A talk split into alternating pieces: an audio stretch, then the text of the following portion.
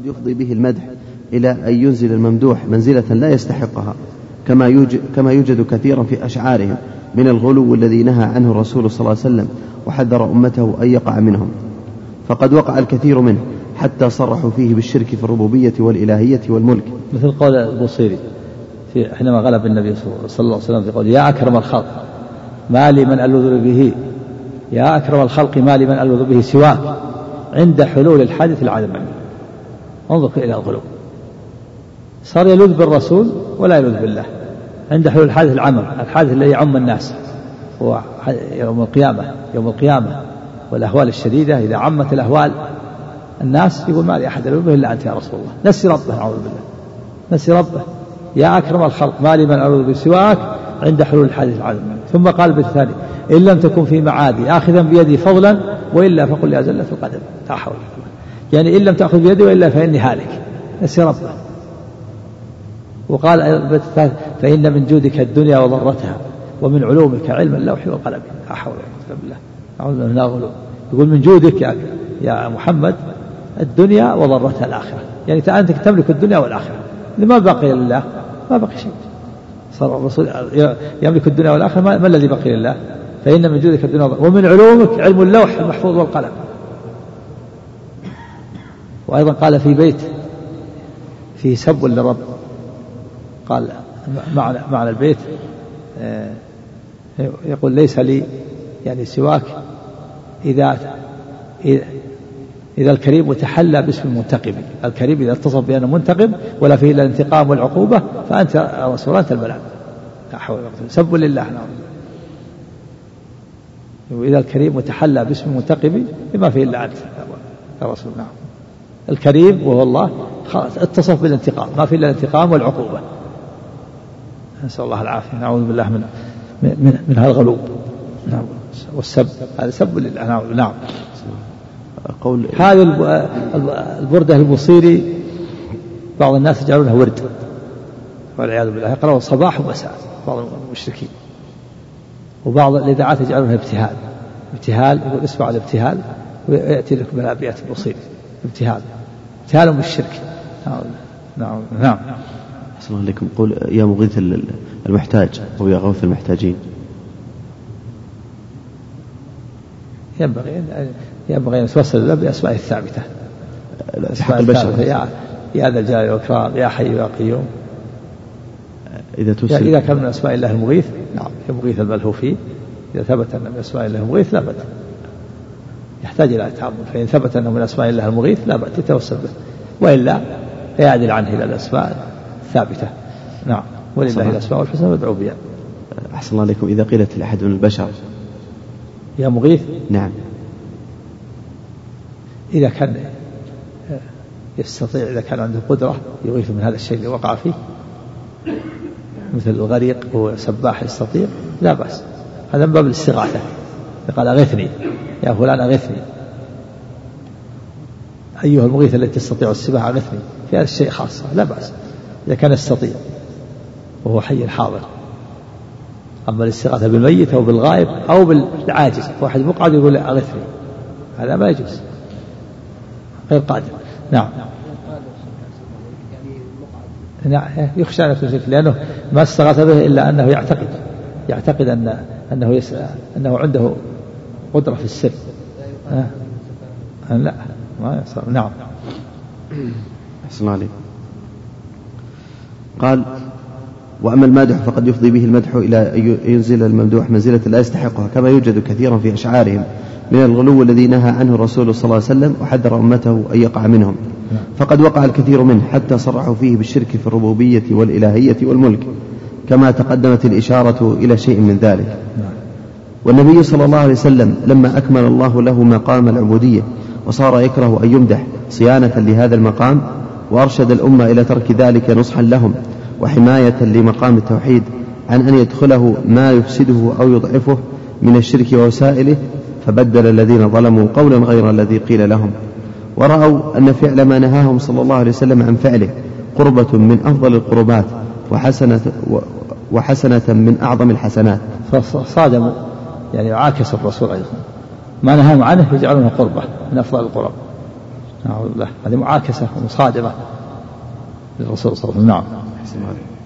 قال وأما تسمية العبد بالسيد فاختلف العلماء في ذلك. قال علامة ابن القيم رحمه الله في بدائع الفوائد اختلف الناس في جواز إطلاق السيد على البشر فمنعه قوم ونقل عن مالك.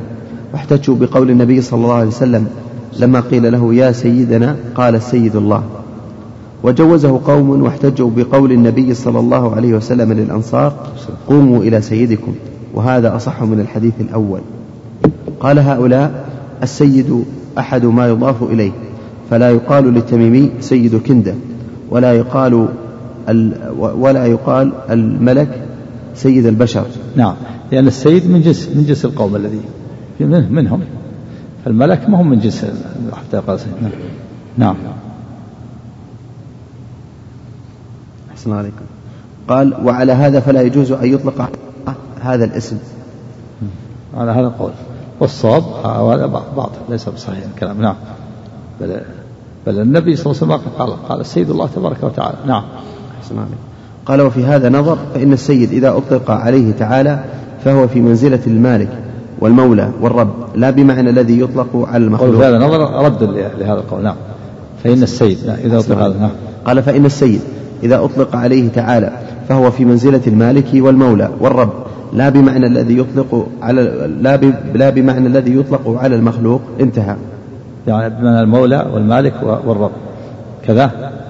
بمعنى إيش؟ منزلة المالك والمولى والرب. نعم. لا بمعنى الذي يطلق على المخلوق. نعم. انتهى. أحسن الله لك التفريق بين ال... نعم. كم كم انتهى قال أحسن الله إيش؟ كلام القيم في البدائع إيه؟ قلت نعم. فقد صح عن ابن عباس رضي الله عنهما أنه قال في معنى قول الله تعالى قل أغير الله أبغي ربا أي إله وسيدا وقال في قول الله تعالى الله الصمد أنه السيد الذي كمل في جميع أنواع السؤدد وقال أبو وائل هو السيد الذي انتهى سؤدده وأما استدلالهم بقول النبي صلى الله عليه وسلم للأنصار قوموا إلى سيدكم فالظاهر أن النبي صلى الله عليه وسلم لم يواجه سعدا به فيكون فيها فيكون في المقام تفصيل والله أعلم. إيه، يعني إن واجههم به فهو مكروه ولم يواجههم به فيكون جائز. نعم. قال المصنف رحمه الله فيه مسائل. الأولى تحذير الناس من الغلو. نعم. الثانية ما ينبغي أن يقول قول يا سيدنا يا خيرنا قال السيد الله تحذير الناس من الغلو. نعم. الثانية ما ينبغي أن يقول من قيل له أنت سيدنا. نعم يقول السيد الله تبارك وتعالى مثل ما قال النبي صلى الله عليه وسلم. قيل يا سيد قل السيد الله تبارك وتعالى. نعم. الثالثة قول لا يستجرينكم الشيطان مع أنهم لم يقولوا إلا الحق نعم يعني لا يجعلكم رسلا ودعاة وناصرا له ويجركم الباطل. وإن كان ما قالوا حقا لكن يخشى أن يجرهم الباطل. نعم. الرابعة قوله ما أحب أن ترفعوني فوق منزلتي. نعم. أنا عبد الله ورسوله لا يرفع فوق منزلته فلا يجعل إله. نعم. أحسن عليك. باب ما جاء في قول الله تعالى. مرة هذا قال شرح سمع. مجموع الفتاوى. فتاوى. نعم. أحسن الله إليكم نعم. دخول ال على السيد التفريق. نعم. التفريق بين الإطلاق بين السيد أو أو الإضافة. السي... الإضافة إذا أضيف قيل سيد بني فلان ولا يواجه به الشخص هذا لا بأس به. سيد بني فلان قوموا إلى سيد إلى سيدكم. الممنوع المنهي عنه أن يواجه الشخص يقول السيد فلان السيد. فإذا وجه, وجه به الشخص سيكون هذا منهي عنه نهي تنزيه. وكذلك إذا أطلق على من؟ على كل أحد. فلا يطلق على كل أحد إنما يطلق على رئيس القبيلة والعالم والفاضل والكريم والداعية لا بأس. من غير أن يواجه به. يقال فلان سيد لكن لا يواجه به. لا تواجه به أمامه. ويسمى هو. لا يسمى به كل أحد ولا يواجه به الشخص. فإن سمي به أو وجه صار مكروه كراهة تنزيه نعم. تركه أولى. نعم. حاضر. إيه؟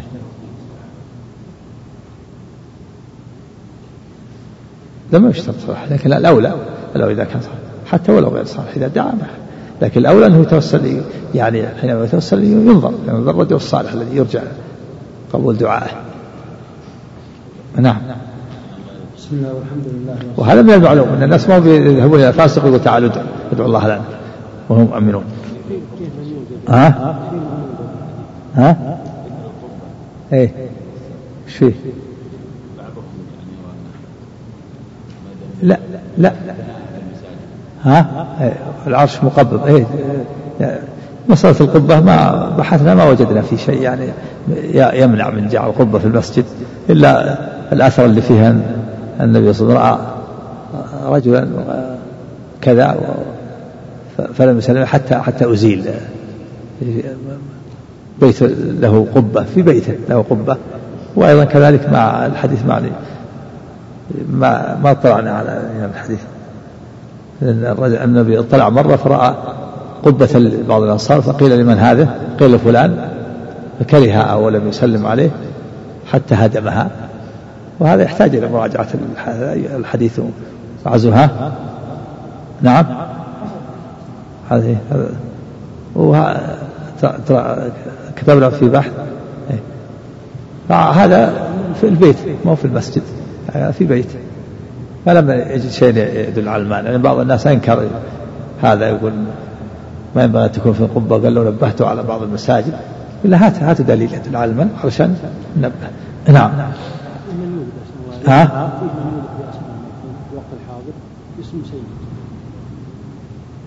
تركه أولى مثل ما سبق. تنزيه. نعم. بسم الله الرحمن الرحيم. الحمد لله رب العالمين. صلى الله وسلم وبارك على نبينا محمد وعلى آله وصحبه أجمعين.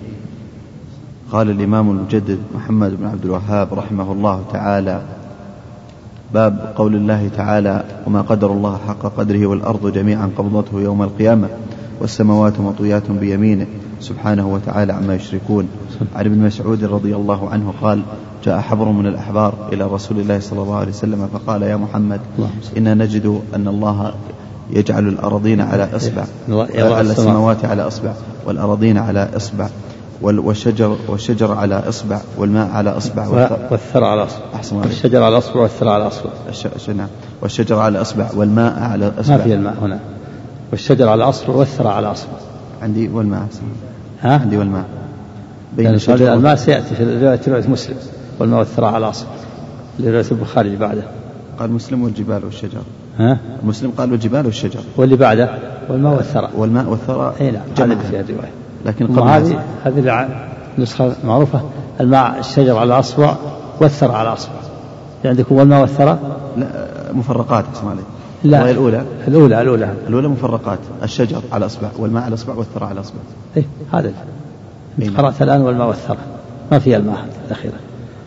جاء حبر من الأحبار. نعم. أي نعم جاء حبر من الأحبار إلى رسول الله صلى الله عليه وسلم فقال يا محمد إنا نجد أن الله يجعل السماوات يضع السماوات. يضع السماوات على إصبع والأراضين على إصبع والشجر على إصبع والماء على إصبع لا والثرى والماء والثرى على إصبع والثرى على إصبع. خمسة أصابع.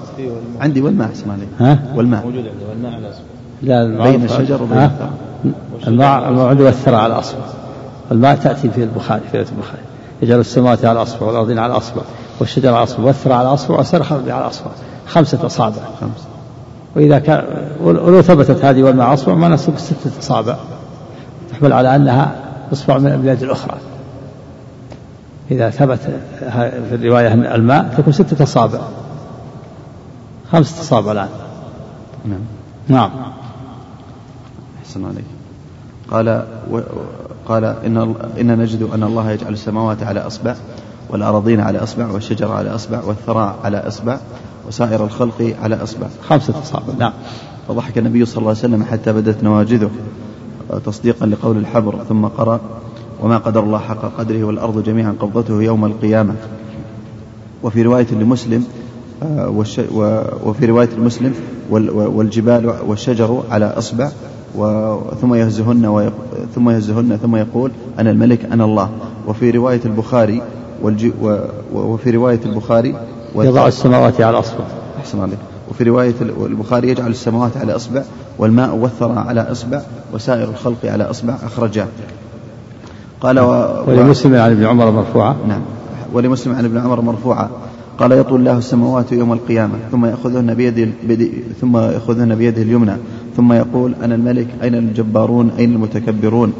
ثم يطوي الأرض ثم يطوي الأراضين السبع ثم يأخذهن بشماله ثم يقول أنا الملك أين الجبارون؟ أين المتكبرون؟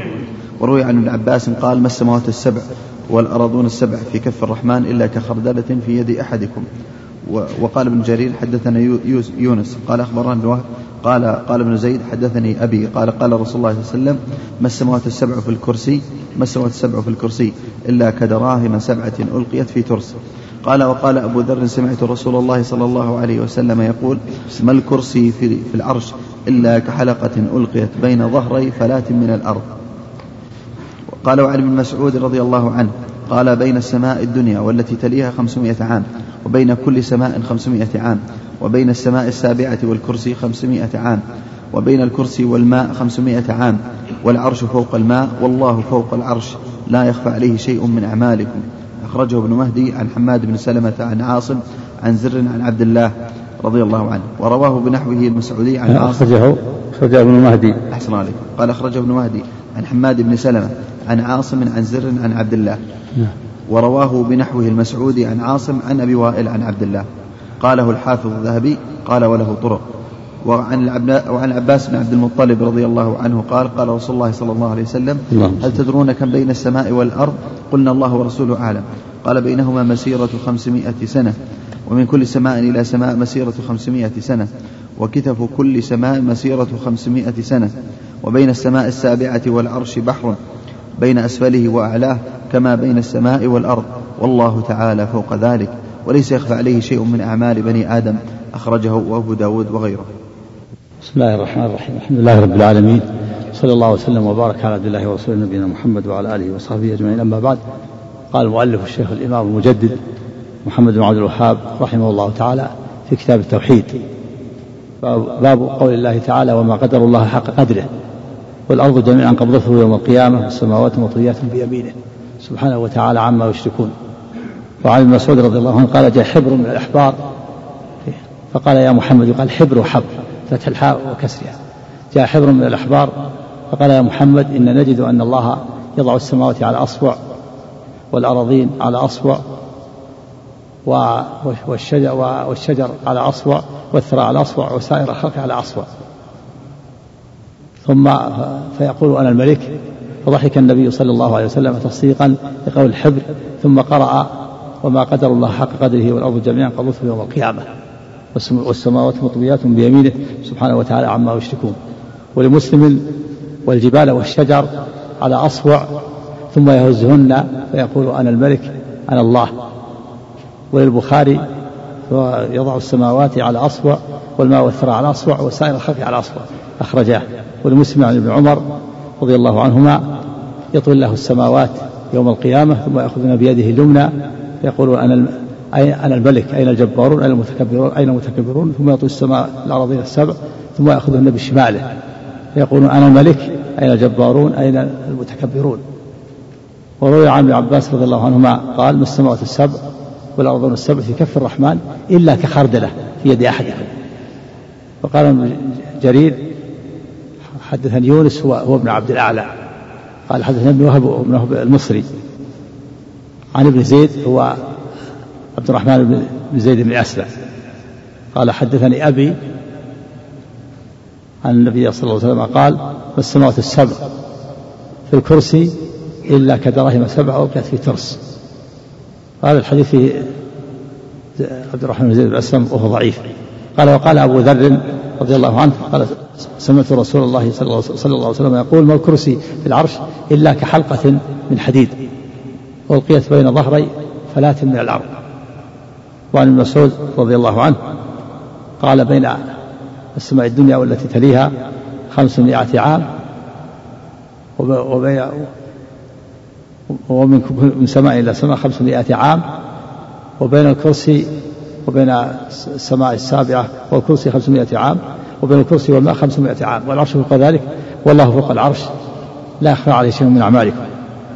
خرجه ابن مهدي وهو ثقة معروف عن حماد بن سلمة وهو ثقة معروف عن عاصم عاصم بن أبي النجود ثقة معروف عن زر بن حبيش ثقة معروف عن ابن عباس عن عن عبد الله بن مسعود رضي الله عنه. ورواه ابن أحمد المسعودي عن عاصم عن أبي وائل عن عبد الله بن مسعود رضي الله عنه. قاله الحافظ الذهبي قال وله طرق. وعن العباس بن المطلب رضي الله عنه أن النبي صلى الله عليه وسلم قال هل تدرون كم من السماء والأرض؟ قل الله ورسوله أعلم. قال بينهما مسيرة خمسمائة عام ومن كل ومن كل سماء إلى سماء خمسمائة عام وكتف كل سماء خمسمائة عام. وبين السماء السابعة والعرش بحر بين أسفله وأعلاه كما بين السماء والأرض. والله فوق ذلك لا يخفى عليه شيء من أعمال بني آدم. أخرجه أبو داود وغيره. هذا الباب وهو قول تعالى وما قدر الله حق قدره. والأرض جميعا قبضته يوم القيامة والسماوات مطويات بيمينه سبحانه وتعالى عما يشركون. قرر المؤلف توحيد الربوبية توحيد الأسماء والصفات وتوحيد الألوهية. وفي الأبواب السابقة المؤلف قرر توحيد الألوهية وفي هذا الباب قرر توحيد الربوبية وتوحيد الأسماء والصفات بالإضافة إلى توحيد الألوهية. فهذا الباب ركز في توحيد الربوبية والأسماء والصفات لأن توحيد الربوبية والأسماء دليل على توحيد الألوهية. وفي هذا ترجم إثبات التوحيد بأنواعه الثلاثة الربوبية والصفات والألوهية كما أن التراجم السابقة فهي إثبات توحيد الألوهية. وما قدر الله حق قدره يعني وما عظم المشركون الله حق تعظيمه حيث عبدوا معه غيره وهو العظيم الذي لا أعظم منه فهو المستحق للعبادة. لعظمته وكماله وعظمة أسمائه وصفاته وعظيم إحسانه وإنعامه على عباده. فهو مستحق للعبادة ولا يستحقها غيره. ففيه إثبات توحيد الربوبية وتوحيد الألوهية وتوحيد الأسماء والصفات. حديث ابن مسعود قال جاء حبر من الأحبار إلى النبي صلى الله عليه وسلم قال إن الله يضع السماوات على أصبع والأرضين على أصبع والشجر على أصبع والثرى على أصبع وسائر الخلق على أصبع ثم يهزهن ثم آه ثم فيقول أنا الملك. فضحك النبي صلى الله عليه وسلم تصديقا لقول الحبر ثم قرأ الآية. وما قدر الله حق قدره والأرض جميعا قبضته يوم القيامة. هذا فيه إثبات الأصابع لله عز وجل كما يقول جلالة وعظمته صفة من صفاته. وفيه إثبات أن له خمسة أصابع وفيه قول الحق بمن جاء به ولو كان كافرا. فإن النبي صلى الله عليه وسلم صدق اليهودي. وفيها أن اليهود يعرفون الحق ولكنهم لا يعملون به. وفي دليل على أنه ليس كل من عرف الحق يكون مؤمنا. بل لا بد من الاتباع والعمل. فلا يكفي المعرفة. قال الله تعالى عن اليهود الذين آتيناهم الكتاب يعرفونه كما يعرفون أبناءهم. وإن فريقا منهم لا يكتمون الحق وهم يعلمون. وفيه الرد على المرجئة. الذين يقولون إن الإيمان هو مجرد تصديق بالقلب. فهؤلاء اليهود مصدقون بقلوبهم. يكفي التصديق بالقلب لا بد أن يكون مع التصديق حركة من عمل القلب. وهذه الحركة في القلب تدعو إلى العمل. لا بد من هذا. تصديق بالقلب معه حركة معه عمل قلب وهذه الحركة تدعو إلى العمل. فالتصديق الذي في القلب لا بد من عمل يتحقق به. وإلا صار كإيمان إبليس وفرعون وإيمان اليهود. كما أن العمل صلاة والصيام لا بد له من إيمان يصححه وإلا صار كإسلام المنافقين. فهؤلاء اليهود يعرفون الحق ولكنهم لما لم يتبعوا النبي صلى الله عليه وسلم ولم ينقادوا لشرع الله ودينه لم يكونوا مؤمنين. فلا يكفي التصديق. التصديق بالقلب لا يكفي. لا بد من التصديق واتباع والاتباع يتحقق بالعمل. وفي رواية مسلم والجبال والشجر على أصبع ثم يهزون فيقول أنا ملك أنا الله. في رواية البخاري يضع السماوات على أصبع والماء والثرى على أصبع وسائر الخلق على أصبع. وفي رواية مسلم يطل له السماوات يوم القيامة ثم يأخذون بيده اليمنى فيقول ثم يقول أنا الملك أين الجبارون؟ أين المتكبرون؟ ثم يطل الأراضين السبع ثم يأخذها بشماله. فيقول أنا الملك أين الله؟ أنا الملك أنا الجبارون؟ أنا المتكبرون؟ في إثبات اليدين لله عز وجل. وإن لله يدين كما قال تعالى بلدهم سلطتان قال لما خلقت بيدي. وفي إثبات أن لله يمين وشمال. يقول يأخذ بشماله. ولكن كلتا يديه سبحانه يمين يعني من جهة الفضل والشرف. والبركة وعدم النقص. وإلا فله يمين وشمال بخلاف المخلوق فإن الشمال يكون فيها فيها ضعف ونقص. أما الخالق سبحانه وتعالى فلا يلحقه نقص. بل كلتا يديه يمين كما في الحديث الآخر كلتا يدي ربي يمين مباركة. يعني كلتا يديه يمين في الشرف والفضل والبركة وعدم النقص. وإن كان له يمين والشمال ومنهم من طعن في رواية هذه رواية مسلم في الشمال بعض الحفاظ قال طعن وتفرد بها بعض الرواة. وقالوا إنها لا تثبت الشمال وإنما لا تسمى شمال وكل منهما يمين. وفي الأحاديث الأخرى قال وبيده الأخرى. ولهذا أنكروا أن يكون لله شمال. لكن الصواب أنها أنها ثابتة أن له يمين وشمال كما ذهب إلى هذا اعتمد المؤلف شيخ محمد بن الوهاب وغيره وجمع من أهل العلم أن الله يمين وشمال. وإن كان كل منهما يمين يعني في الشرف والفضل والبركة وعدم النقص.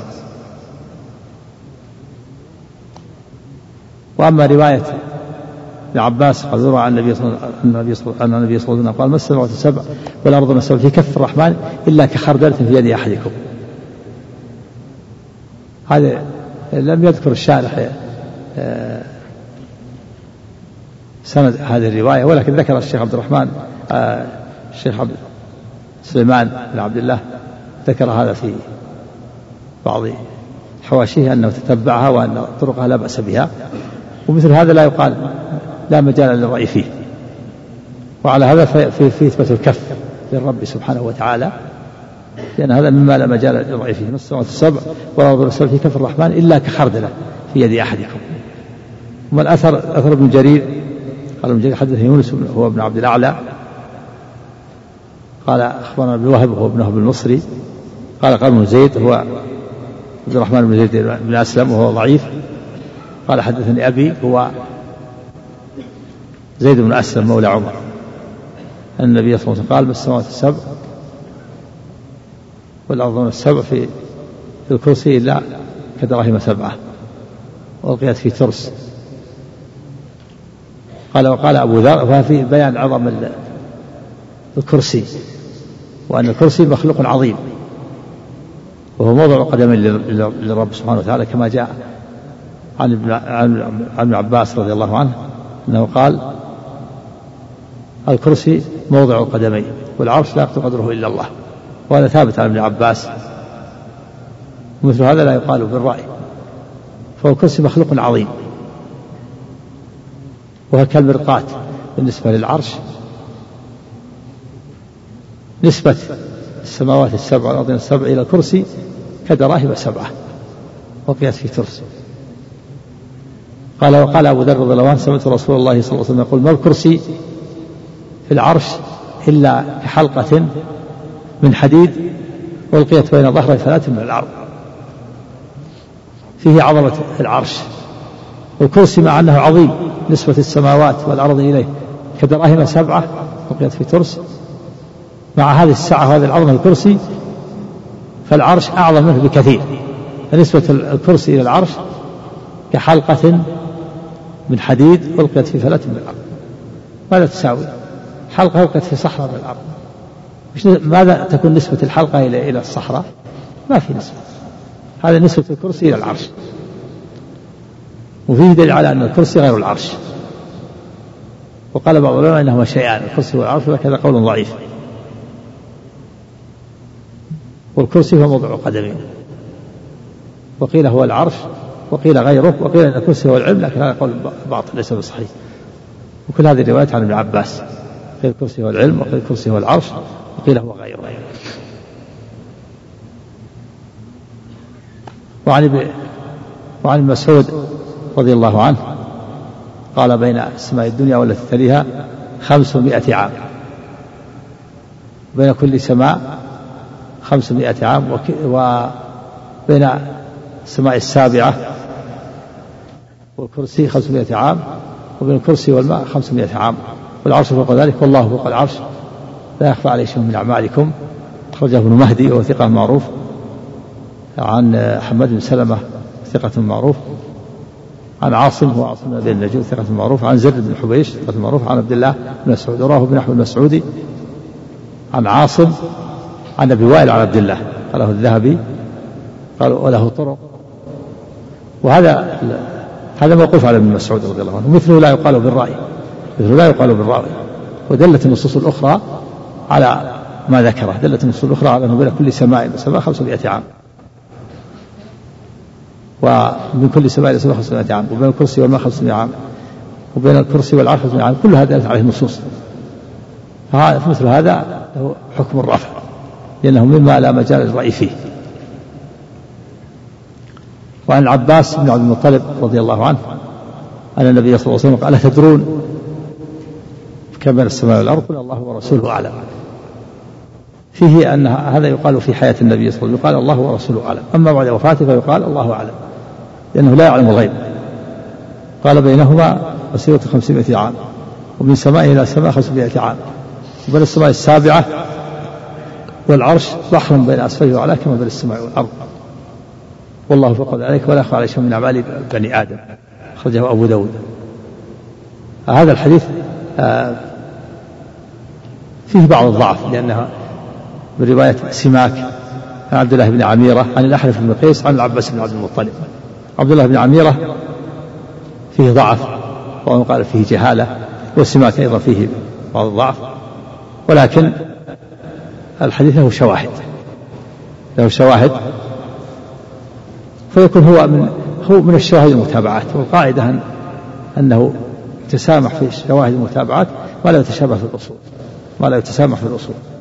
وأدلة العلو أفرادها تزيد على ثلاثة آلاف دليل كما قاله العلامة القيم رحمه الله تعالى.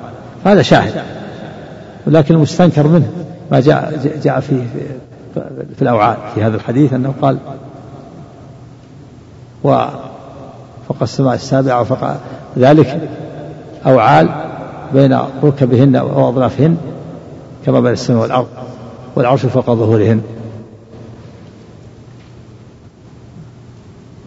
والعرش كما دلت النصوص أنه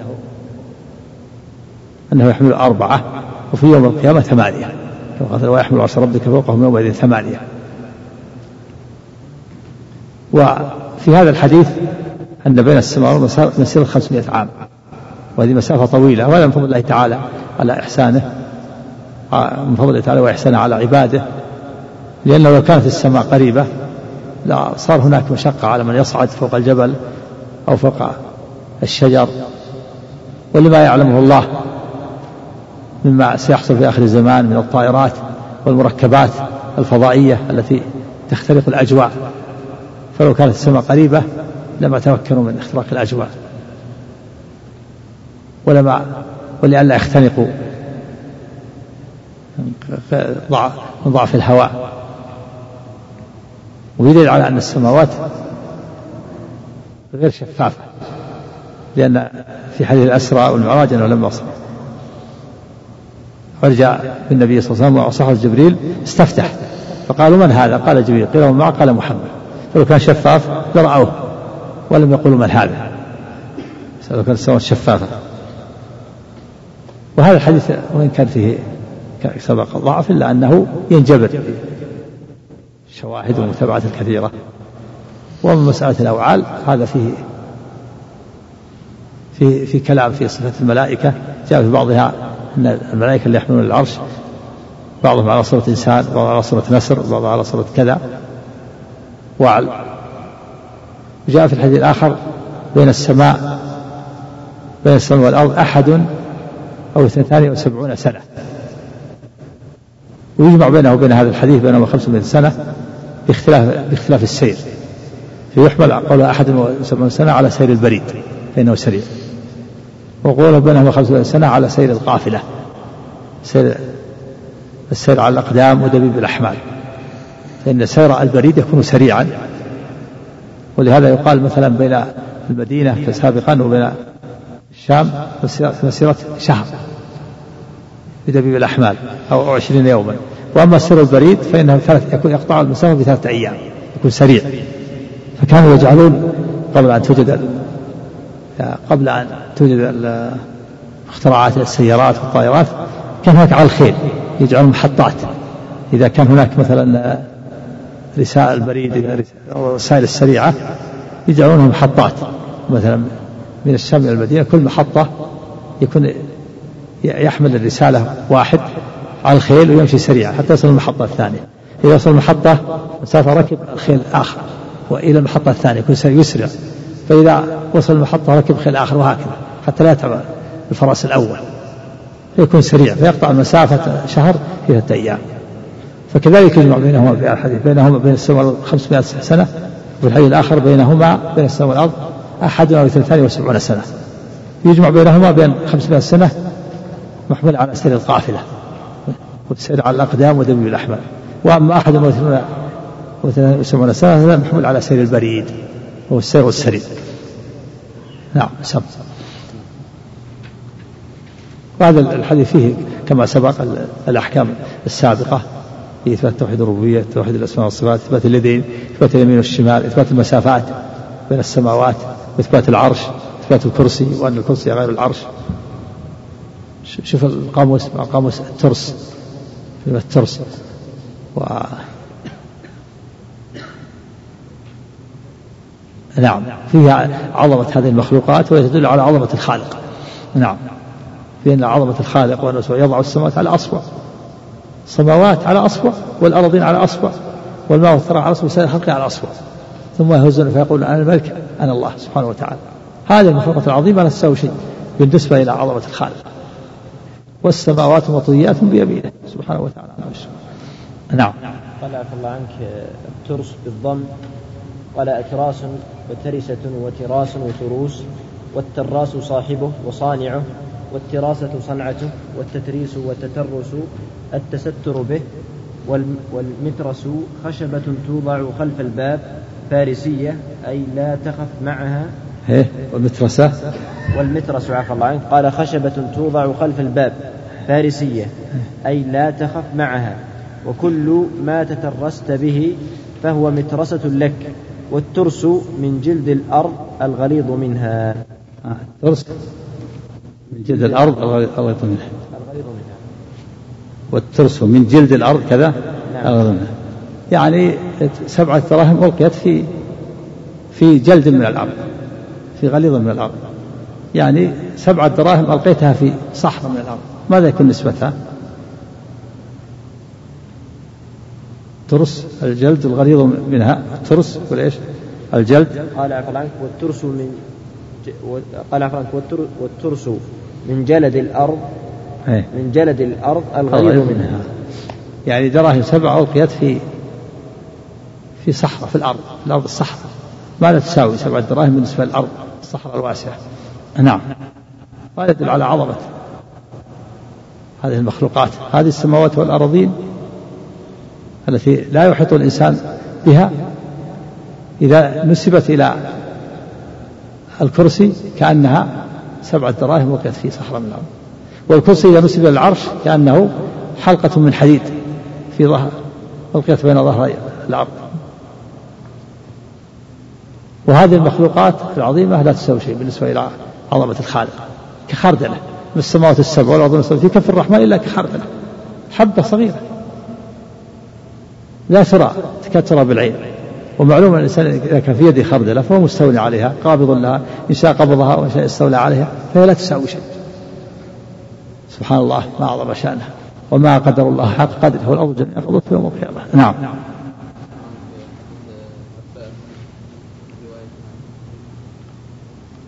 العباس بن السماك عن عبد الله بن عميرة عن الأحنف بن قيس عن العباس بن المطلب السماك فيه ضعف السماك وعبد الله بن عميرة أيضا كذلك فيه جهالة وفيه ضعف.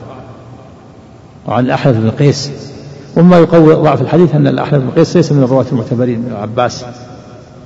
هذا فإن الرواة المعتبرون المعروفون لم يروا هذا الحديث عن العباس هذا يقوي ضعفه لكن له شواهد. نعم. نعم. إذا فيه الحديث العال فيه يعني فيه فيه كلام. يأتي كلام المؤلف عليه. نعم.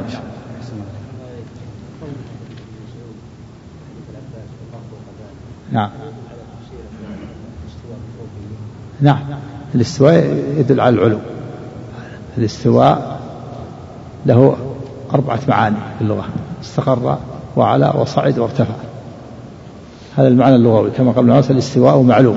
وأما كيفية استواء الرب الله أعلم. لا يعلم كيف. لكن معنى المعنى استوى. استقر وعلى وصعد وارتفع. هذه أربعة معاني تدل على تفسير السلف. فالله تعالى مستوى على العرش بهذه المعاني الأربعة. لا يعلم كيف الاستواء إلا هو سبحانه وتعالى. نعم. بسم الله الرحمن الرحيم. الحمد لله رب العالمين.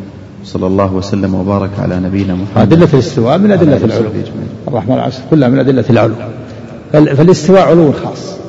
الاستواء علو خاص. والعلو أعم. فالله تعالى فوق المخلوقات. وهو مستوى على العرش. فالاستواء علو خاص على العرش. ولا يقال استوى على الأرض ولا على الماء ولا ولكنه يقال الله فوق العلو فوق المخلوقات كلها. نعم. نعم. لا لا يعلم شيء إلا هو. لا يعلمه إلا هو سبحانه وتعالى. نعم. الملائكة محجوبون عن الله. محجوبون. جاء في الحديث. لما جاء في بعض الأحيان كان فيها ضعف جبريل؟ آه، سأله النبي صلى الله عليه وسلم. قال إن بيني وبينه سبعين حجابا. بعض حجاب من نور بعض من برد ومن ثلج ومن ظلمة. والله أعلم. الحجب احتجب عن خلقه. سبحانه وتعالى. كما حجابه النور. لو كشفه لأحرق السبحات وجهه ما انتهى إليه بصره من خلقه. لو كشفه لاحترق الخلق كله حتى الملائكة. ها؟ في الجنة في الجنة آه، آه، يكشف الحجاب سبحانه وتعالى فيراه يرونه لكن لا يحيطون به رؤية. ما يحيطون به. كما أنهم لا يحيطون به علما. بل أنت الآن في المخلوق بعض المخلوق لا تحيط بها. الجبل مسافته مثل كيلو نصف في كيلوين هل تحيط بها أنت الآن؟ ما تحيط به تراه ولكن لا تحيط به فالرؤيا غير الإحاطة. المدينة في مدينة الرياض الآن في وسط هل تحيط بها؟ أن تراها ترى مدينة الرياض لكن لا تحيط بها. لا تحيط بها. ما, ما تدري ما في الشرق وفي الغرب ما ما تراها الآن. لا شرق المدينة ولا غربها. بستان إذا كان لك بستان مسافته عشرة كيلو في عشرة كيلو. أنت في نفس البستان. ما تحيط بها حتى تركب السيارة وتدور عليها. فالرؤيا غير. الرؤيا غير الإحاطة. فالمؤمنون يرون الله ولا يحيطون به رؤية كما قال كما أنهم يعلمونه ولا يحيطون به علما فالله أعلى أعظم وأعلى وأجل من أن يحيط به الخلق. لكمال عظمته لا يحيط به الخلق. إذا كانت بعض المخلوقات لا يحاط بها السماء الآن هل تحيط بها رؤيا؟ نرى السماء الآن. ترى اللي أمامك لكن الأطراف الأخرى هل تراها؟ ما تراها ما تحيط بها رؤيا. نعم. شخوص إسرافيل ما يدل على الرؤية كذلك؟ ها؟ إسرافيل شخوص إسرائيل إيش فيه؟ ما ما يدل على رؤية لا, لا ما, ما يرى أحد ما يرى أحد في الدنيا. لا يرى أحد إلا احترق. ولهذا لما سأل موسى الرؤيا سمع موسى كلام الله. فلما سمع طمع فقال ربي أرني أنظر إليك. فقال لن تراني ما تستطيع يعني بشرية ضعيفة في الدنيا. لكن يوم القيامة ينشئ الله الخلق نشأة قوية يتحمل فيها لرؤية الله. أما في الدنيا ما يستطيع. قال لن تراني ولكن انظر إلى الجبل. فإن استقر مكانه فسوف تراني. فلما تجلى الله الجبل تدكدك الجبل. جبل الجبل الصم الصخر تدكدك وانساخ. وصعق موسى.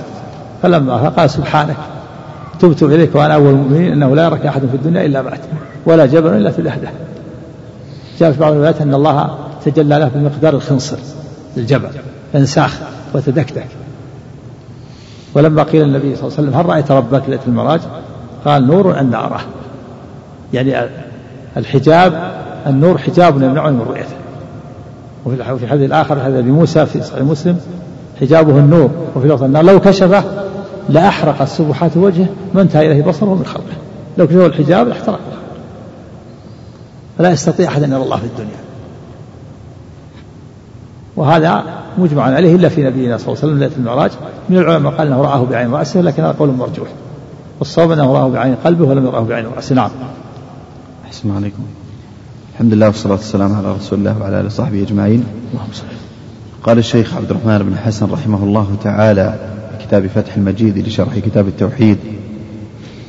قال المصنف رحمه الله تعالى باب ما جاء في قول الله تعالى وما قدر الله حق قدره والأرض جميعا قبضته يوم القيامة والسماوات مطيات بيمينه سبحانه وتعالى عما يشركون.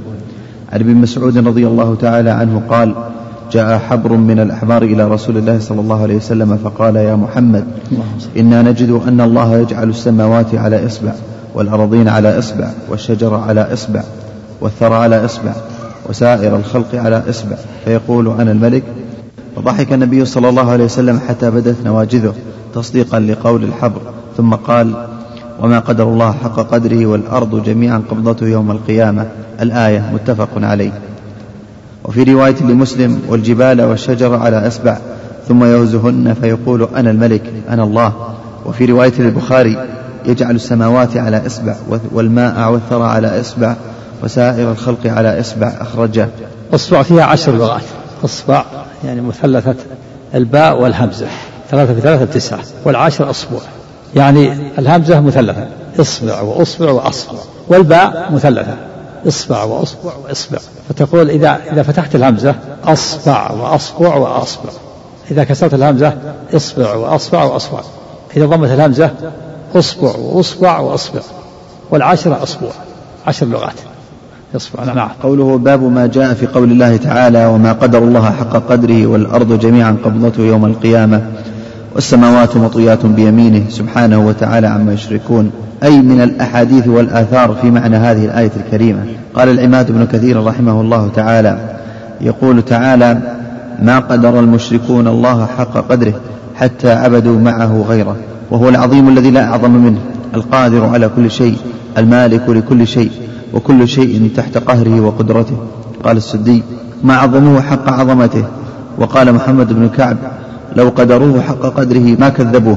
وقال علي بن أبي طلحة عن ابن عباس رضي الله عنهما هم الكفار الذين لم يؤمنوا بقدرة الله عليهم فمن آمن أن الله على كل شيء قدير فقد قدر الله حق قدره ومن لم يؤمن بذلك فلم يقدر الله حق قدره وقد ورد أحاديث كثيرة متعلقة بهذه الآية. الطريق فيها وفي أمثالها من مذهب السلف هو وهو إمرارها كما جاءت من غير تكييف ولا تحريف. وذكر حديث ابن مسعود كما ذكره المصنف رحمه الله في هذا الباب. قال ورواه البخاري في صحيحه في غير موضع ومسلم والإمام أحمد والترمذي والنسائي. كل من حديث سليمان بن مهران عن وهو الأعمش. عن إبراهيم عن عبيدة عن ابن مسعود بنحوه. قال الإمام أحمد حدثنا معاوية قال حدثنا الأعمش عن إبراهيم عن علقمة عن عبد الله رضي الله عنه قال جاء رجل من أهل الكتاب إلى النبي صلى الله عليه وسلم فقال يا أبا القاسم أبلغك أن الله يحمل الخلائق على إصبع والسماوات على إصبع والأرضين على إصبع والشجر على إصبع والثرى على إصبع.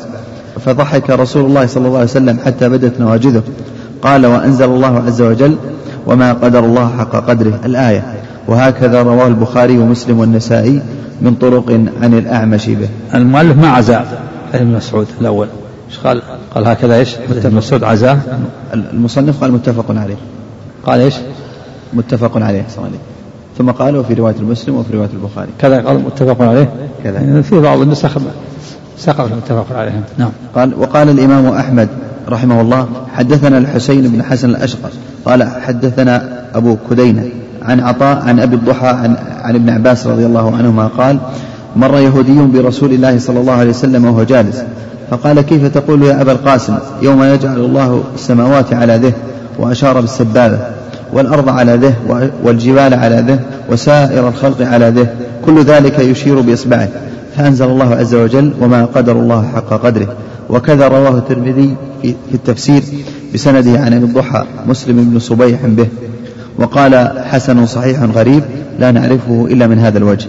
ثم قال البخاري رحمه الله حدثنا سعيد بن عفير قال حدثنا الليث قال حدثني عبد الرحمن بن خالد بن مسافر عن ابن شهاب عن أبي سلمة بن عبد الرحمن أن أبا هريرة رضي الله عنه قال سمعت رسول الله صلى الله عليه وسلم يقول يقبض الله الأرض ويطوي السماء ويطوي السماء بيمينه فيقول أنا الملك أين ملوك الأرض؟ تفرد به من هذا الوجه من هذا الوجه ورواه مسلم من وجه آخر. إيش؟ وين؟ في الحديث الحديث قبله؟ قال الله سمت على على ذه وأشار إلى السبب عندك نعم. ها؟ نعم. المراد تحقيق الصفة ليس المراد التشبيه. المراد تحقيق الصفة مثل ما جاء في الحديث الآخر إن الله كان سميعا بصيرا وأشار إلى إلى عينه وأذنه. باب المراد تحقيق الصفة وليس المراد التشبيه نعم. ها؟ من يقول؟ هذا مخبر إسرائيل وهو متفق عليه. كيف مخبر إسرائيل وهو متفق عليه؟ رواه الشيخان متفق عليه في الصحيحين. كيف يكون أخبار بني إسرائيل؟ إيه لكن قال قال متفق عليه. هو الحجة في الحجة في أن النبي صدقه ضاحك تصديقا للخبر وقرأ الآية متفق عليه. نعم. أخبار بني إسرائيل اللي ما اللي ما ما يرويها أصحاب السنن غير مسندة مثلا. يرويه مثلا بعض الصحابة وبعض التابعين عن بني إسرائيل ما يكون مرفوع إلى النبي صلى الله عليه وسلم. نعم. نعم. على عين إيش؟ إيه. اي نعم. في غيره هذه رواية الإمام أحمد هذه؟ نعم. نعم. وقال البخاري في موضع آخر حدثنا مقدم بن محمد قال حدثنا عمي القاسم بن يحيى. عمي؟ نعم. نعم.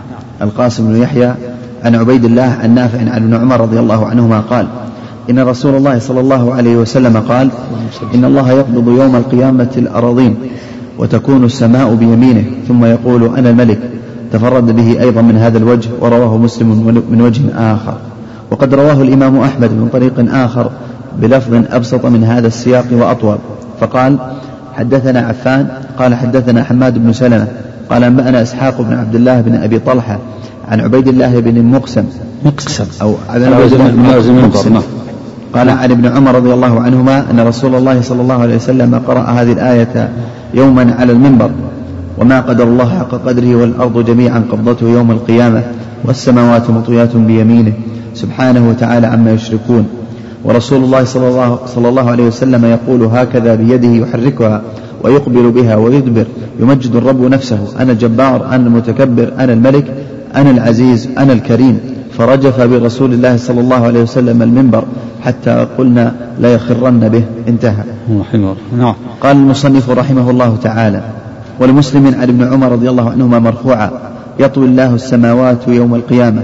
ثم يأخذهن بيده اليمنى ثم يقول أنا الملك أين الجبارون؟ أين المتكبرون؟ ثم يطوي الأراضين السبع ثم يأخذهن بشماله ثم يقول أنا الملك أين الجبارون؟ أين المتكبرون؟ وروي عن ابن عباس رضي الله عنهما قال ما السماوات السبع والأراضون السبع في كف الرحمن إلا كخردلة في يد أحدكم؟ وقال ابن جرير حدثني يونس قال أخبرنا ابن وهب قال قال ابن زيد حدثني أبي رضي الله عنه قال قال رسول الله صلى الله عليه وسلم اللهم ما السماوات السبع في الكرسي إلا كدراهم سبعة ألقيت في ترس. قال وقال أبو ذر سمعت رسول الله صلى الله عليه وسلم يقول ما الكرسي في العرش إلا كحلقة من حديد ألقيت بين ظهري فلاة من الأرض. وعن ابن مسعود رضي الله عنهما قال بين السماء الدنيا والتي تليها خمسمائة عام وبين وبين كل سماء وبين كل سماء خمسمائة عام وبين السماء السابعة والكرسي خمسمائة عام وبين الكرسي والماء خمسمائة عام والعرش فوق الماء والله فوق العرش لا يخفى عليه شيء من أعمالكم. أخرجه ابن مهدي عن حماد بن سلمة عن عاصم عن زر عن عبد الله ورواه بنحوه المسعود عن عاصم عن أبي وائل عن عبد الله رضي الله عنه. قاله الحافظ الذهبي قال وله طرق. وعن, وعن العباس بن عبد المطلب رضي الله عنه قال قال رسول الله صلى الله عليه وسلم هل تدرون كم بين السماء والأرض؟ قلنا الله ورسوله أعلم. قال بينهما مسيرة خمسمائة سنة ومن كل سماء إلى سماء مسيرة خمسمائة سنة وكتف كل سماء مسيرة خمسمائة سنة. قال وبين السماء السابعة والعرش بحر. نعم. بين أسفله وعلاه كما بين السماء والأرض. والله تعالى فوق ذلك وليس يخفى عليه شيء من أعمال بني آدم أخرجه أبو داود وغيره. قوله ولمسلم عن ابن عمر الحديث كذا في رواية مسلم وقال الحميدي وهي أتم وهي عند مسلم من حديث سالم عن أبيه. وأخرجه البخاري من حديث عبيد الله عن نافع عن ابن عمر قال إن الله يقبض يوم القيامة الأراضين وتكون السماء بيمينه. وأخرجه مسلم من حديث عبيد الله بن مقسم. مقسم. عن عبيد الله بن مقسم. على وزن المنبر. نعم. قلت وهذه الأحاديث وما في معناها تدل على عظمة الله وعظيم قدرته وعظم مخلوقاته. صحيح. لا لا شك تدل على من قدرة الله وعظم مخلوقاته. بعظمة المخلوق تدل على عظمة الخالق سبحانه وتعالى. نعم. وأنه على كل شيء قدير. إنما أمره إذا أراد شيئا يقول له كن فيكون. نعم. قال وقد تعرف سبحانه وتعالى إلى عباده بصفاته وعجائب مخلوقاته وكلها تعرف وتدل على كماله. وأنه هو المعبود وحده لا شريك له في ربوبيته وإلهيته وتدل على إثبات الصفات على ما يليق بجلال الله وعظمته إثباتا بلا تمثيل وتنزيها بلا تعطيل. وهذا هو الذي دل عليه نصوص الكتاب والسنة وعليه سلف الأمة وأئمتها ومن تبعهم بإحسان واقتفى آثارهم على الإسلام والإيمان. وتأمل ما في هذه الأحاديث الصحيحة من تعظيم النبي صلى الله عليه وسلم ربه بذكر صفات كماله على ما يليق بعظمته وجلاله وتصديقه اليهود فيما أخبروا به عن الله من الصفات التي تدل على عظمته. نعم وفي قبول الحق من جاء به. قبول الحق ولو كان كافرا. الحق يقول من جاء به. هذا اليهودي جاء بالحق فصدقه النبي صلى الله عليه وسلم. وقابل أيضا الحق من الشيطان الذي قال لأبي هريرة دعني أعلمك كلمات ينفعك الله بها. إذا أويت إلى فراشك فاقرأ الكرسي. فإنه لن ينزل عليك من الله حافظ ولا يقربك الشيطان حتى تصبح. قال النبي صلى الله عليه وسلم لقد صدقك وهو كذوب. صدقه فالحق يقبل من جاء. إذا جاء بالحق ولو كان كافر نقبل الحق. أو الشيطان الحق يقبل. نعم. أحسن عليك. قال وتأمل ما فيها من إثبات علو الله على عرشه. ولم يقل النبي صلى الله عليه وسلم في شيء منها إن ظاهرها غير مراد أو أنها تدل على تشبيه صفات الله بصفات خلقه. يعني كما يقول أهل البدع كما يقول المعطلة يقول ظاهر النصوص غير مراد. الاستواء يقول هذا ظاهر الاستواء الآية فيها إثبات الاستواء لكن غير مراد والمراد المعنى المجازي وهو الاستيلاء. كذلك أيضا الضحك والمجاز والعجب مجاز وهذا باطل. والمشبهة قالوا إن إن هذه الصفات تشبه صفات المخلوقين. إن صفات الله كصفات المخلوق وكل من قول باطل. فالمعطلة عطلوا الرب من أسمائه وصفاته هؤلاء شبهوا بالمعلومات شب عطل. ونفي الأسماء والصفات ينتج العدم الذي ليس له أسماء وصفات لا وجود له. وهؤلاء مثلوا وشبهوا جعل الله جعلوا صفات الخالق كصفات المخلوقين. فشبهه الله صار مشبها ممثلا. والله تعالى قال ليس كمثله شيء وهو السميع البصير. وليس كمثله شيء رد على الممثلة. وهو السميع البصير رد على المعطلة نعم. قال فلو كان هذا حقا بلغه أمينه أمينه أمته. فإن الله أكمل له الدين وأتم به النعمة فبلغ البلاغ المبين صلوات الله وسلامه عليه وعلى أصحابه ومن تبعهم إلى يوم الدين. وتلقى الصحابة رضي الله عنهم عن نبيهم صلى الله عليه وسلم ما وصف به ربه من صفات كماله ونعوت جلاله فآمنوا به وآمنوا بكتاب الله وما تضمنه من صفات ربهم جل وعلا. كما قال تعالى والراسخون في العلم يقولون آمنا به كل من عند ربنا. وكذلك التابعون لهم بإحسان وتابعوهم والأئمة من المحدثين والفقهاء كلهم وصفوا الله بما وصف به نفسه ووصفه به رسوله صلى الله عليه وسلم. ولم يجحدوا شيئا من الصفات ولا قال أحد منهم إن ظاهرها غير مراد ولا إنه يلزم من إثباتها التشبيه. بل أنكروا على من قال ذلك غاية الإنكار وصنفوا في رد هذه الشبهات المصنفات الكبار المعروفة. الموجودة بأيدي أهل السنة والجماعة. نعم. والمؤلفات كثيرة. من ذلك الحموية تيمية والتدمرية والواسطية والطحاوية. سنة للإمام أحمد سنة لأبي عبد الله سنة لأبي بكر المروزي وسنة لابن أبي شيبة وسنة البربحاري وغيرها كتب كثيرة. وصنف العلماء ما لا تحصى. ساق علامة أبو العباس ابن تيمية في رسالة الحموية جملة كبيرة من المؤلفات. لأهل العلم في الصفات والرد على المنكرين. نعم. قال شيخ الإسلام أحمد بن تيمية رحمه الله وهذا كتاب الله من أوله إلى آخره وسنة رسوله صلى الله عليه وسلم وكلام الصحابة والتابعين وكلام سائر الأئمة مملوء بما هو نص أو ظاهر أن الله تعالى فوق كل شيء وأنه فوق, وأنه فوق العرش فوق السماوات مستو على عرشه. مثل قوله تعالى إليه يصعد الكلم الطيب والعمل الصالح يرفعه. وقوله تعالى قال الله يا عيسى إني متوفيك ورافعك إلي. وقوله تعالى بل رفعه الله إليه. وقوله تعالى من الله ذي المعارج تعرج الملائكة والروح إليه. وقوله تعالى يدبر الأمر من السماء إلى الأرض ثم يعرج والعروج يكون من, من, من أسفل إلى أعلى. هذا وجه الدلالة. يدبر الأمر من السماء إلى الأرض والنزول يكون من أعلى إلى أسفل. دل على أن الله في العلو ونصوص العلو تزيد أفرادها على ثلاثة ألاف دليل كما قال العلامة ابن القيم. ومنها الاستواء نصوص الاستواء سبع مواضع ثم استوى على العرش والاستواء علو. ومنها العلو سبح اسم ربك الأعلى ذكر العلو قواعد منها كل دليل على العلو. ومنها النصوص الفوقية يخافون ربهم من فوقه. من العروج نصوص تعج الملائكة والعروج يكون من نسأل إلى نصوص الصعود إليه يصعد الكلم والصعود يكون من أعلى إلى أسفل إليه يصعد الكلم الطيب والعلم الصالح من تنزيل الكتاب من الرحمن تنزيل كتاب من تنزيل من الرحمن الرحيم. والنزول يكون من أعلى إلى أسفل قل نزله روح القدس من ربك. وهكذا. من قول الجاري أين الله. قالت في السماء. نعم. لا حصر الأدلة كثيرة. نعم. وقوله تعالى يخافون ربهم من فوقهم. نعم. وقوله تعالى هو الذي الأدلة الفوقية نعم. وقوله تعالى هو الذي خلق لكم ما في الأرض جميعا ثم استوى إلى السماء فسواهن سبع سماوات وهو بكل شيء عليم. وقوله تعالى إن ربكم الله الذي خلق السماوات والأرض في ستة أيام ثم استوى على العرش يغشي الليل النهار يطلبه حثيثا ثم استوى على العرش. والاستواء علو علو خاص. وقول أأمنتم من في السماء. موضع وفيه الظرفية. وإذا أريد والسماء يكون العلو. وإذا أريد بالسماء الطباق المبنية كانت في بمعنى على نعم. ها؟ يعني قصد إلى السماء. قصد نعم نعم. ثم استوى إلى السماء قصد. قصد. والسماء في العلو. نعم. قال وقوله تعالى إن ربكم الله الذي خلق السماوات والأرض في ستة أيام ثم استوى على العرش. يغشي الليل النهار يطلبه حثيثا.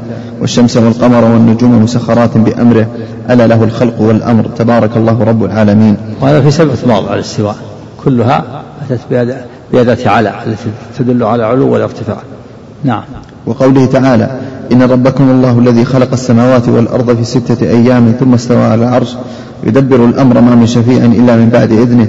ذلكم الله ربكم فاعبدوه أفلا تذكرون؟ فذكر توحيدين في هذا في هذه الآية. وقوله تعالى الله الذي رفع السماوات بغير عمد ترونها ثم استوى على العرش. الله.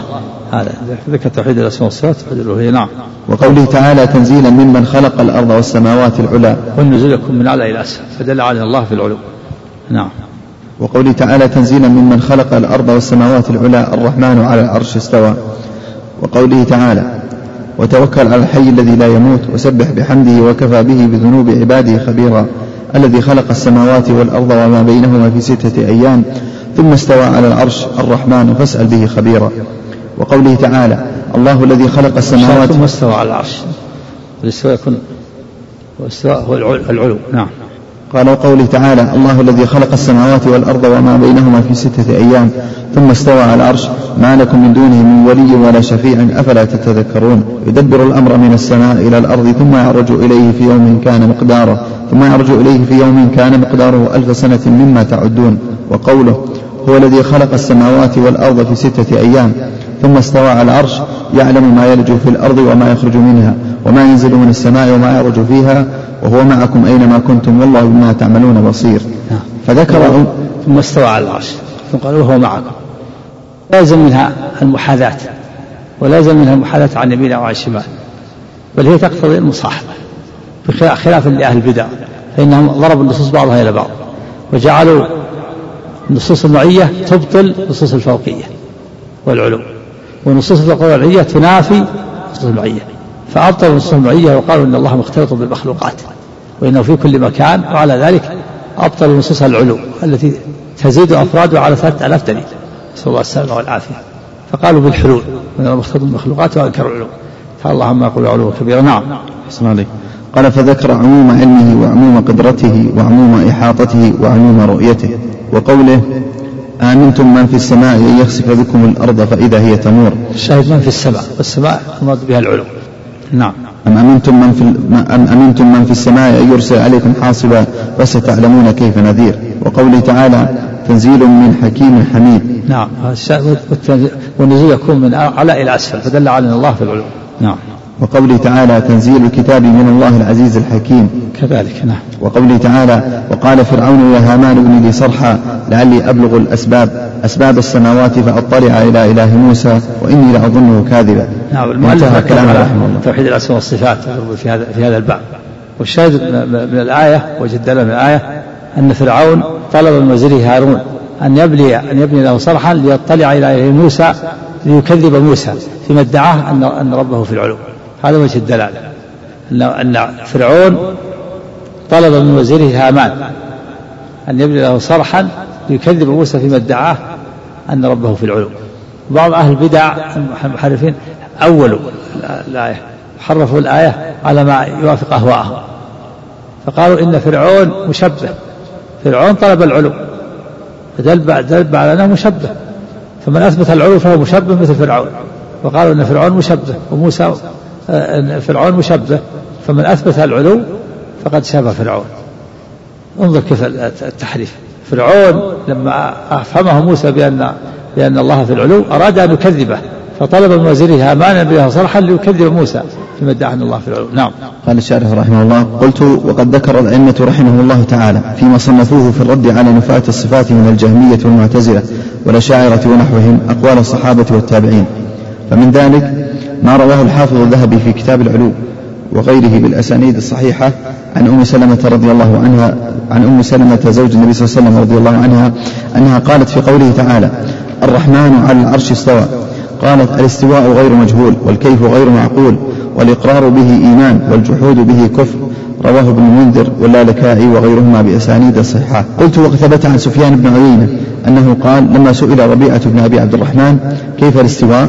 قال الاستواء غير مجهول والكيف غير معقول ومن الله الرسالة وعلى الرسول البلاغ وعلينا التصديق. نعم هذا مروي عن عن ثلاثة مروي عن سلمة وعن ربيعة شيخ الإمام مالك وعن مالك.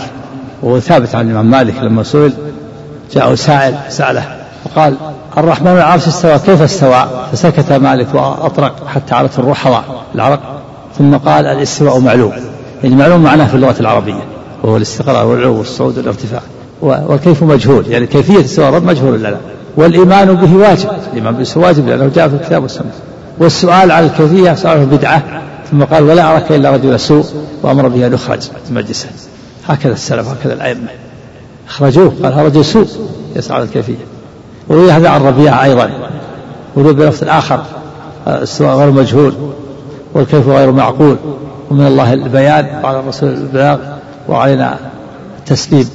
والعلماء تلقوا هذا هذا الكلام من الإمام مالك بالقبول رواية في رواية هذا عن أم سلمة فيه ضعف. لكن العلماء تلقوه عن الإمام مالك بالقبول صاروا يستدلون به. ويقال هذا في جميع الصفات. إذا قال الإنسان سأل عن العجب والعجب ثلاثة يقال العجب معلوم. والكيف مجهول الايمان بالوجه والسؤال عنه بدعه سأل عن العلم والعلم معلوم. والكيف مجهول الايمان بالوجه والسؤال عنه بدعه يقال هذا في جميع الصفات. نعم. قال وقال ابن وهب كنا عند مالك. فدخل رجل فقال يا أبا عبد الله الرحمن على العرش استوى كيف استوى؟ فأطرق مالك وأخذته الرحضة وقال عبد الرحمن. وقال الرحمن على العرش استوى كما وصف نفسه ولا يقال كيف وكيف عنه مرفوع وأنت صاحب بدعة أخرجوه. رواه البيهقي بإسناد صحيح عن ابن وهب. ورواه عن يحيى بن, بن يحيى أيضا. ولفظه قال الاستواء غير مجهول والكيف غير معقول والإيمان به واجب والسؤال عنه بدعة. المعنى واحد. الاستواء غير مجهول يعني معلوم معناه في اللغة والكيف غير معقول يعني غير معلوم. الاستواء غير مجهول بل هو معلوم معناه في اللغة العربية والاستقرار والعلو والصعود والارتفاع والكيف غير معقول يعني غير معقول معنى لا نعلم الكيفية. نعم. قال الذهبي فانظر إليهم كيف أثبتوا الاستواء وأخبروا أنه معلوم لا يحتاج لفظه إلى تفسير ونفوا عنه الكيفية. نعم كلام كلام عظيم للذهبي. قال الذهبي رحمه الله نعم. قال الذهبي رحمه الله فانظر إليهم كيف أثبتوا الاستواء لله وأخبروا أنه معلوم لا يحتاج لفظه إلى تفسير ونفوا عنه الكيفية. قال البخاري في صحيحه قال مجاهد استوى على على العرش وقال إسحاق بن راهوية سمعت غير واحد من المفسرين يقول الرحمن على العرش استوى أي ارتفع. نعم. على وارتفع نعم وقال محمد بن جرير الطبري في قوله تعالى الرحمن على العرش استوى أي على وارتفع. نعم. وشواهده في أقوال الصحابة والتابعين وأتباعهم. فمن ذلك قول عبد الله بن رواحة رضي الله عنه شهدت بأن وعد الله حق وأن النار مثوى الكافرين وأن العرش فوق الماء طاف وفوق العرش رب العالمين وتحمله ملائكة شداد ملائكة الإله مسومين. نعم كلام جميل. شهدت بأن والله بأن وعد الله حق وأن النار مثوى الكافرين وأن العرش فوق الماء طاف وفوق العرش رب العالمين وتحمله ملائكة شداد ملائكة الله مسومين. يقال أن عبد الله جاء في قصة في هذا أن عبد الله بن رواحة تسرى جارية فرأته زوجته يقع عليها فغارت فأنكر. قالت كيف يعني أمامي قال أبدا ما هو بصحيح. فقالت إن كنت صادقا فاقرأ القرآن يعني الجنوب لا يقرأ القرآن. فقرأ هذا الباب. شهدت بأن وعد الله حق وأن النار مثل الكافرين وأن العرش فوق الماء طاف وفوق العرش رب العالمين وتحمله ملائكة شداد ملائكة الله مسومين. وكانت لا تقرأ ظنت أنها أقرأ القرآن فقالت آمنت بالله وكذبت بصري نعم. قال وروى الدارمي والحاكم والبيهقي بأصح إسناد إلى علي بن الحسن بن, بن شقيق.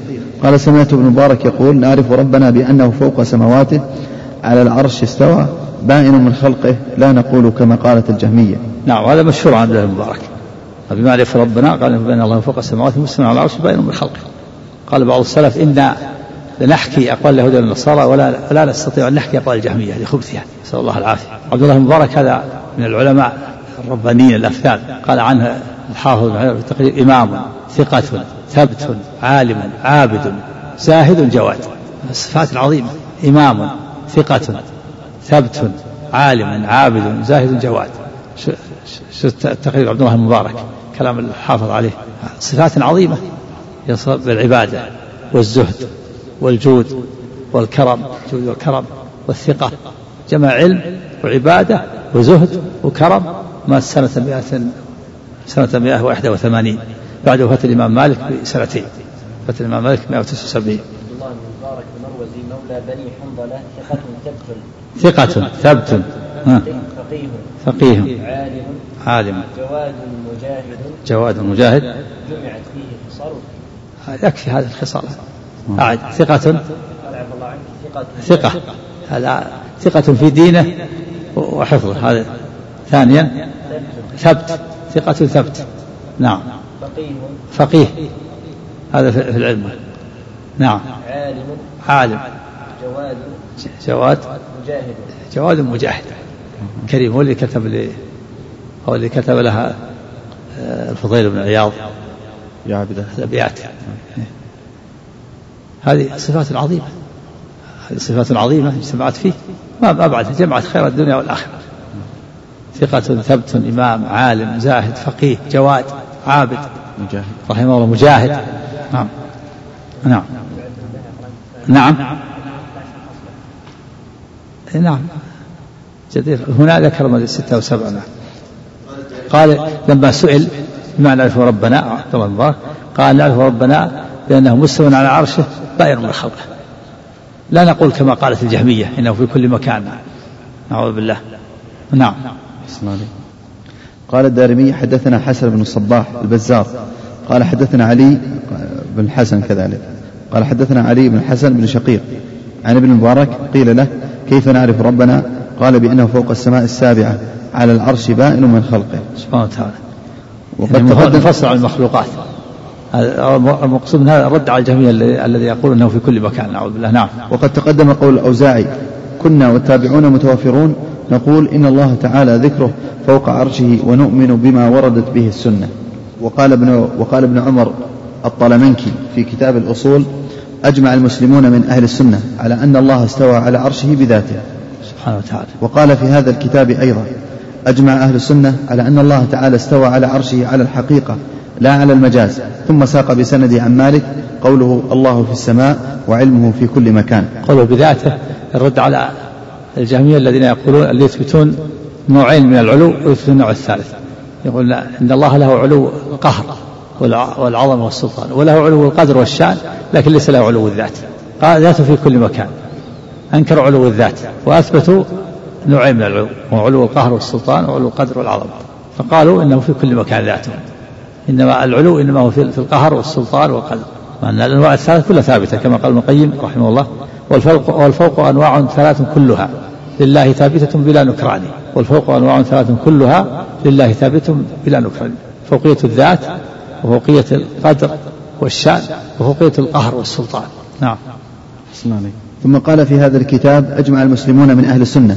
أن معنى قوله وهو معكم أينما كنتم ونحو ذلك من القرآن أن ذلك علمه وأن الله فوق السماوات بذاته مستو على عرشه كيف يش كيف شاء. وهذا لفظه في كتابه. وهو معكم يعني بعلمه. يعني رد على الجهمية الذين قالوا معكم يعني بذات مختلط من المخلوقات. وذلك أن الله تعالى افتتح الآية بالعلم وختمها بالعلم. يقول ألم ترى أن الله يعلم ما في السماوات وما في الأرض؟ ما يكون من نجوى ثلاث إلا هو رابعهم ولا خمسة إلا سادسهم ولا أدنى من ذلك ولا أكثر إلا هو معهم. ثم قال ثم ينبههم بما عملوا القيامة إن الله بكل شيء عليم. فافتتح الآية بالعلم وختمها بالعلم فدل على أنه معهم بعلم. نعم. قال وهذا كثير في كلام الصحابة والتابعين والأئمة. أثبتوا ما أثبته الله في كتابه وعلى لسان رسوله صلى الله عليه وسلم على الحقيقة. على ما يليق بجلال الله وعظمته ونفوا عنه مشابهة المخلوقين ولم يمثلوا ولم يكيفوا على ما ذكرنا ذلك عنهم في هذا الباب. نعم. وقال الحافظ الذهبي وأول وقت سمعت مقالة من أنكر أن الله تعالى فوق العرش هو الجعد بن درهم وكذلك أنكر جميع الصفات فقتله خالد بن عبد الله القسري وقصته مشهورة. نعم هو مؤسس عقيدة في الصفات الجعد بن درهم وأنكر صفتين. صفة الخلة وصفة الكلام. قال لم يتخذ الله إبراهيم خليلا ولم يكلم موسى تكليما ولكن هاتين الصفتين ترجع اليهما جميع الصفات لأن إنكار الكلام يترتب عليه إنكار النبوات والرسالات بسبب الكلام وكذلك الخلة قطع الصلة بين بين العباد بين الرب وبين خلقه.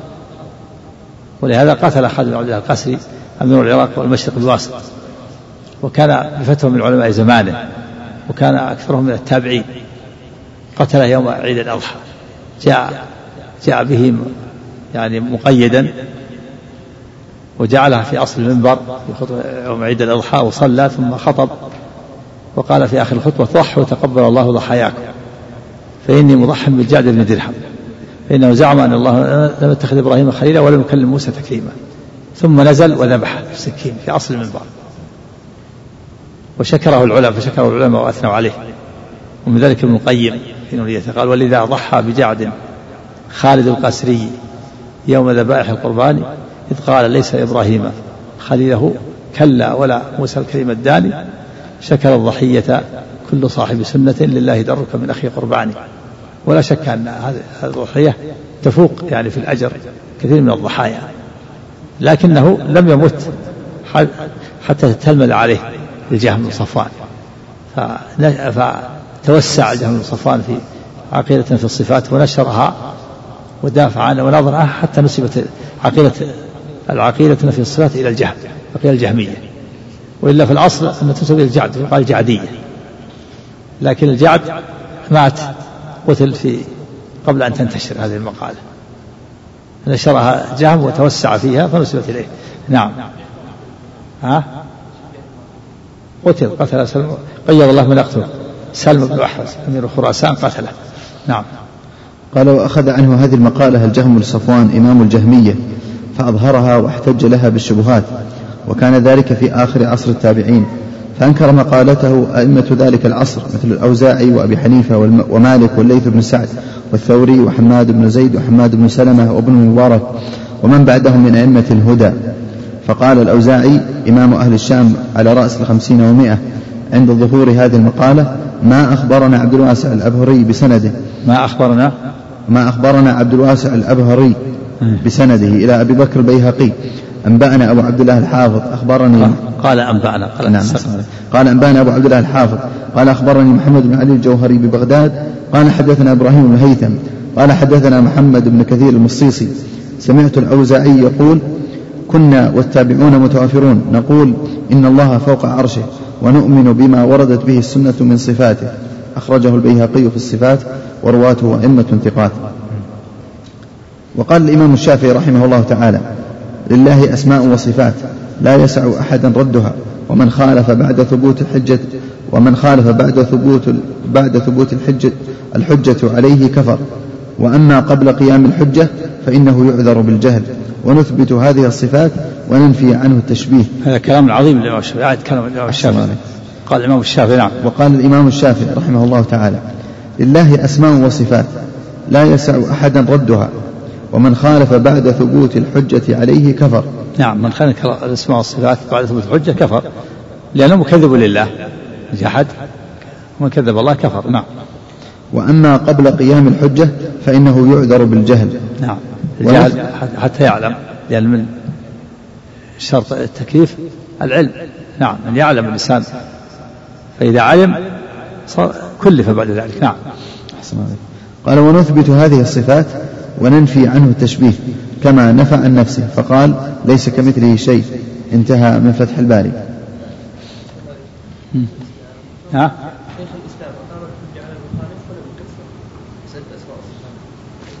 لا إذا قام الحجة عليه. وإذا قام الحجة وزالت الشبهة إذا كانت من الأمور المعلوم بالدين بالضرورة.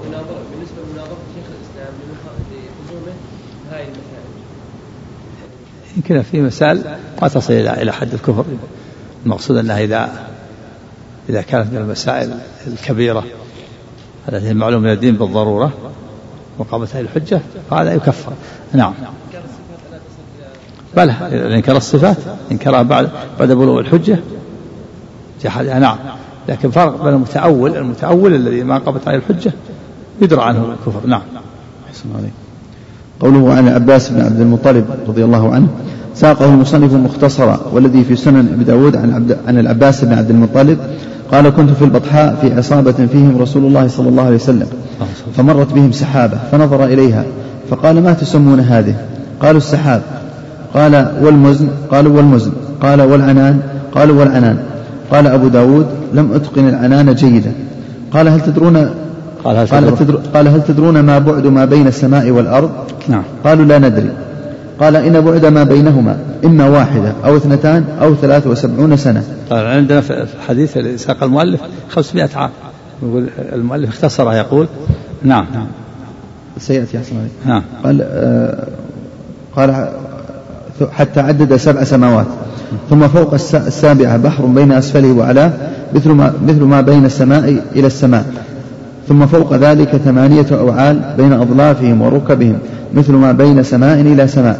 ثم على ظهورهم العرش بين أسفله وعلاه كما بين سماء إلى سماء. ثم الله تبارك وتعالى فوق إيش ذلك. إيش الأوعال فوق إيش؟ بعد البحر؟ نعم يحسن عليك. بحر بين علاه ثم فوق السابعة بحر إيه؟ بين أسفله وأعلاه مثل ما بين بين السماء إلى السماء إلى سماء. طيب. ثم فوق ذلك ثمانية أوعال. بين ركبهن. بين أظلافهم وركبهم مثل ما بين سماء إلى سماء. نعم. ثم على ظهورهم العرش بين أسفله وأعلاه كما بين سماء إلى سماء. ثم الله تبارك وتعالى فوق ذلك. بين أسفل العرش يعني. هذا فيه زيادة الأوعال. هذا يعني الحديث يعني خالف الحديث الأخرى فيه ذكر الأوعال استنكر حديث الأوعال. نعم أحسن عليك. قال وأخرجه الترمذي وابن ماجه وقال الترمذي حسن غريب وقال الحافظ الذهبي رواه أبو داود بإسناد حسن. وروى الترمذي نحوه من حديث أبي من حديث أبي هريرة وفيه بعد ما بين سماء إلى سماء خمسمائة عام ولا منافاة بينهما لأن تقدير ذلك بخمسمائة عام هو على سير القافلة مثلا. القافلة ودبيب والأقدام سير الأقدام ودبيب الأحمال. نعم. أحسن عليك. قال ونيف وسبعون سنة على سير البريد لأنه يصح أن يقال بيننا وبين مصر عشرون يوما باعتبار سير العادة وثلاثة أيام باعتبار سير البريد. نعم. لأن البريد سريع كما سبق. يصل محطات يصل على فرس يحمل الخطابات والرسائل. حتى يصل المحطة ثم يستريح. الفرس يأخذ فرس آخر جديد. وقد يكون يأخذه رسول آخر. يسافر إلى بلد آخر. ثم يصل المحطة كذلك فيكون ويكون سريع. يجري جري حتى يصل المحطة ثم يستريح. ويأخذ فرس جديد وقد يأخذ رسول آخر حتى المحطة الثانية. يقطع مسافة مثل عشرين يوم أو شهر في ثلاثة أيام. قال وأن توصل المواصلات. الآن المواصلات الحديثة يعني فوق ما يدور في الخيال المواصلات الآن. الاتصالات الهاتفية والتلكس على الهواء مباشرة في الحال. نعم. نعم قال وروى شريك بعض هذا الحديث عن سماك فوقفه هذا آخر كلامه ها؟ وروى شريك. نعم وروى شريك بعض هذا الحديث عن سماك فوقفه. شريك في بعض الضعف سماك في بعض الضعف. نعم. قال هذا آخر كلامه. قلت فيه تصريح بأن الله فوق عرشه كما تقدم في الآيات المحكمات والأحاديث الصحيحة. وفي كلام السلف من الصحابة والتابعين وتابعيهم. نعم الشاهد قول العرش إثبات العرش فوق والله فوق العرش. أما حديث الأوعال هذا فيه بعض الضعف. نعم. قال وهذا الحديث له شواهد في الصحيحين وغيرهما ولا عبرة بقول من ضعفه لكثرة شواهده التي يستحيل دفعها وصرفها عن ظواهرها. يعني إثبات العلو يعني إثبات العلو الأحاديث الصحيحين وفي الآيات كلها تعرض له أما المستنكر فهو ما في من الأوعال قال ولا عبرة إيش؟ ولا عبرة قال ولا عبرة بقول من ضعفه لكثرة شواهده نعم. التي يستحيل دفعها وصرفها عن ظواهرها. نعم. قال و قال وهذا الحديث كامثاله يدل على عظمة الله وكماله وعظيم مخلوقاته وأنه المتصف بصفات الكمال التي وصف بها نفسه في كتابه نعم. ووصفه بها رسوله صلى الله عليه وسلم. نعم هذا الترجمة. وهذا الحديث يدل على عظمة الله نعم. أحسن عليكم. قال وهذا الحديث كأمثاله يدل على عظمة الله وكماله وعظيم مخلوقاته وأنه المتصف بصفاته بصفات الكمال التي وصف بها نفسه في كتابه ووصفه بها رسوله صلى الله عليه وسلم وعلى كمال قدرته وأنه هو المعبود وحده لا شريك له دون كل ما سواه. وبالله التوفيق ولا حول ولا قوة إلا بالله العظيم وحسبنا الله ونعم الوكيل. وصلى الله على سيد المرسلين وإمام المتقين نبينا محمد وعلى آله وصحبه أجمعين. تم كتاب فتح المجيد بعون الملك الحميد. ثم قال المصنف رحمه الله فيه مسائل الأولى تفسير قوله والأرض جميعا قبضته يوم القيامة. نعم. وأن الله سبحانه وتعالى يقبض الأرض بيده إثبات اليد وإثبات القبض لله في الصفات. إثبات اليد وإثبات القبض من صفاته من الصفات الفعلية وإثبات اليد من الصفات الذاتية. نعم. الثانية أن هذه العلوم وأمثالها باقية عند اليهود الذي الذين في زمنه صلى الله عليه وسلم لم ينكروها ولم يتأولوها. نعم. يعني هذه قال لما جاء حبر من الأحبار قال يا محمد نجد أن الله يضع السماوات في أصبع والأرضين على أصبع والشجر على أصبع والثرى على أصبع والسرخ على أصبع ثم يقول أنا الملك. هذه العلوم باقية عند اليهود ولم يحرفوها ما حرفوها. فحتى جاء الجهمية فحرفوها. صار أشد من اليهود الجهمية يعني بقيت هذه العلوم عند اليهود وأثبتوا هذه الصفات أثبتوا اليد وأثبتوا الأصابع ولم يحرفوها حتى جاءت الجميع فحرفوها. باقي عند اليهود. نعم. قال الثالثة أن الحبر لما ذكر النبي صلى الله عليه وسلم صدقه ونزل القرآن بتقرير ذلك. نعم. وفي قبول الحق ممن جاء به ولو كان كافرا. في إثبات الأصابع لله في إثبات اليمين والشمال كما سيأتي. نعم.